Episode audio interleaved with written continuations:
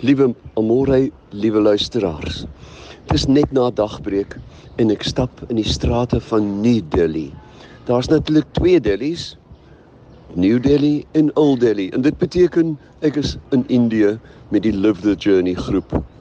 Derde dag hier en ek begin soort van gewoond raak aan die frenetiese ritme van 'n stad wat 26 miljoen inwoners het. Dink 'n bietjie daaraan die helfte van Suid-Afrika se bevolking bly in een stad.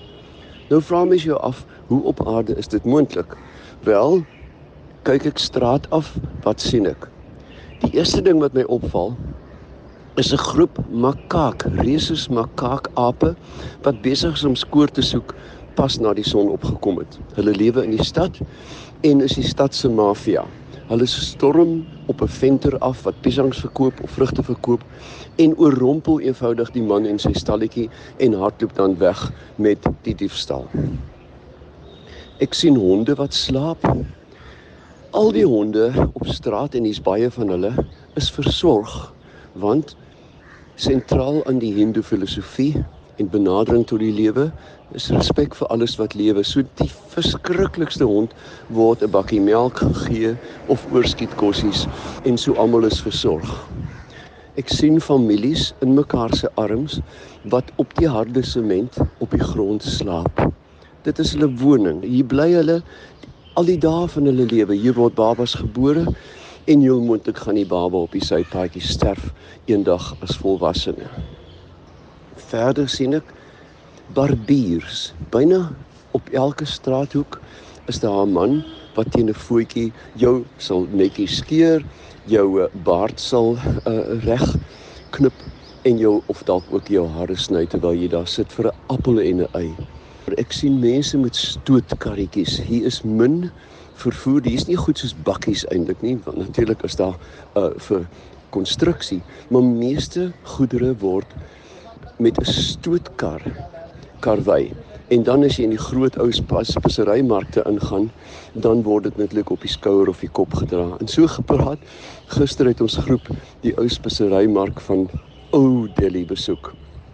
Ek het natuurlik niemand gewaarsku nie. Ek het so lekker in my mou gelag. Skaars was ons daar en almal het begin hoes en nies en proes want die lug is deur week van sterk speserystof veral natuurlik die russies wat die indiërs so lief is vir. Nou, kom ons praat gou oor kos. Mens besef eintlik nie dat in 'n land van 1.7 miljard mense van die digsbevolkte plekke op aarde is meer as 80% van die hele bevolking vegetaries. Um en natuurlike besoek aan Indië lê swaar onder 'n aantal mites. Die eerste mite natuurlik is dat jy gaan siek word, die die beroemde Delhi belly, dat jy diarree gaan kry. Dit is nou my tweede besoek aan Indië en niemand het nog siek geword nie en almal smil soos moordvisse deur die tusse. Die tweede is dat die plek vuil is. Nou vuil is 'n relatiewe term. Ons moet tog nie van vuil praat as ons kyk hoe lyk ons strate onder beheer van onkapabel politici nie. Die derde is netlik, dis hulle is Hindus, ons is Christene. Ons moet onthou dat sentraal aan die Hindu geloof is natuurlik hierdie idee van karma. Ons gebruik die woord so maklik. Ja, jy weet karma se jou inhaal en karma sal dit en dat doen. Maar hier is karma sentraal aan die geloof dat wat jy aan ander doen sal mettertyd met jou gebeur of dit nou in hierdie inkarnasie is of die volgende die Indiërs glo onwrikbaar dat jy weer gebore word en dat dit honderde, duisende, selfs miljoene probeerslae mag verg voordat jy die regte pad gekry het. En dan is daar natuurlik die soekers. Hulle is soekers na vrede, die sogenaamde bodhisattva. Die bodhisattva is eintlik iemand op pad na saligheid, maar wat teruggehou word deur sy behoefte om goeie dade te doen natuurlik. Dis die land van die Guptas en as jy onnosel genoeg is om 'n ding te koop op straat gaan hulle jou blind bevark. Maar omdat ek 'n bietjie ondervinding het en ek praat nie van die hele kontinent nie. Ek ken eintlik maar Uttar Pradesh in die noordooste. Het ek nog net met goedheid te doen gehad. Hier in die hart van die stad is daar 'n kombuis so groot soos 'n rugbyveld. En môre jy het nog nooit so iets gesien nie.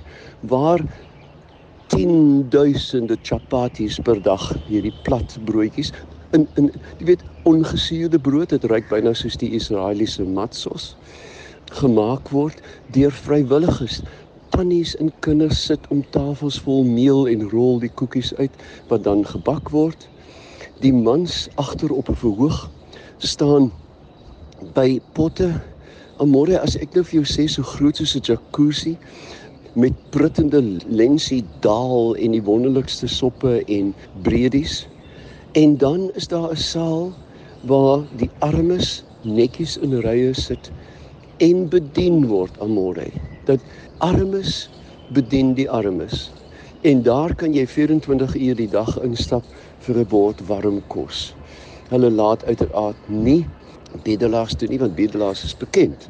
Maar die wat werklik arm is, die oues van daar, die oumies en die oupies kom sit en word met eerbied bedien.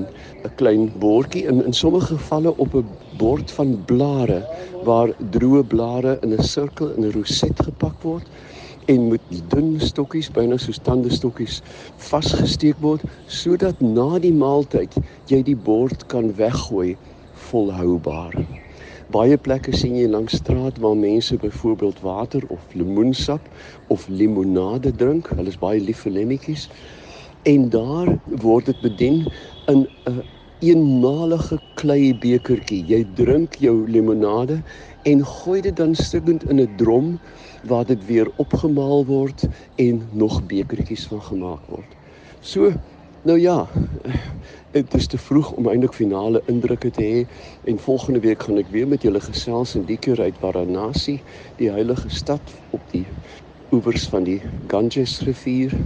Maar tot op datum is my ondervinding soos die verlede keer een van positiwiteit. In die sin dat soveel mense in 'n mate van harmonie kan saamlewe. Gister ook was ons by die uh, verassing platform van Mahatma Gandhi en ek het gaan staan by een van die ken van die mooi plakate daarom. En die ding wat my die diepste getref het, is dat Gandhi het gesê in die afwesigheid van goeie geselskap, van beskaafde mense, droog die siel op.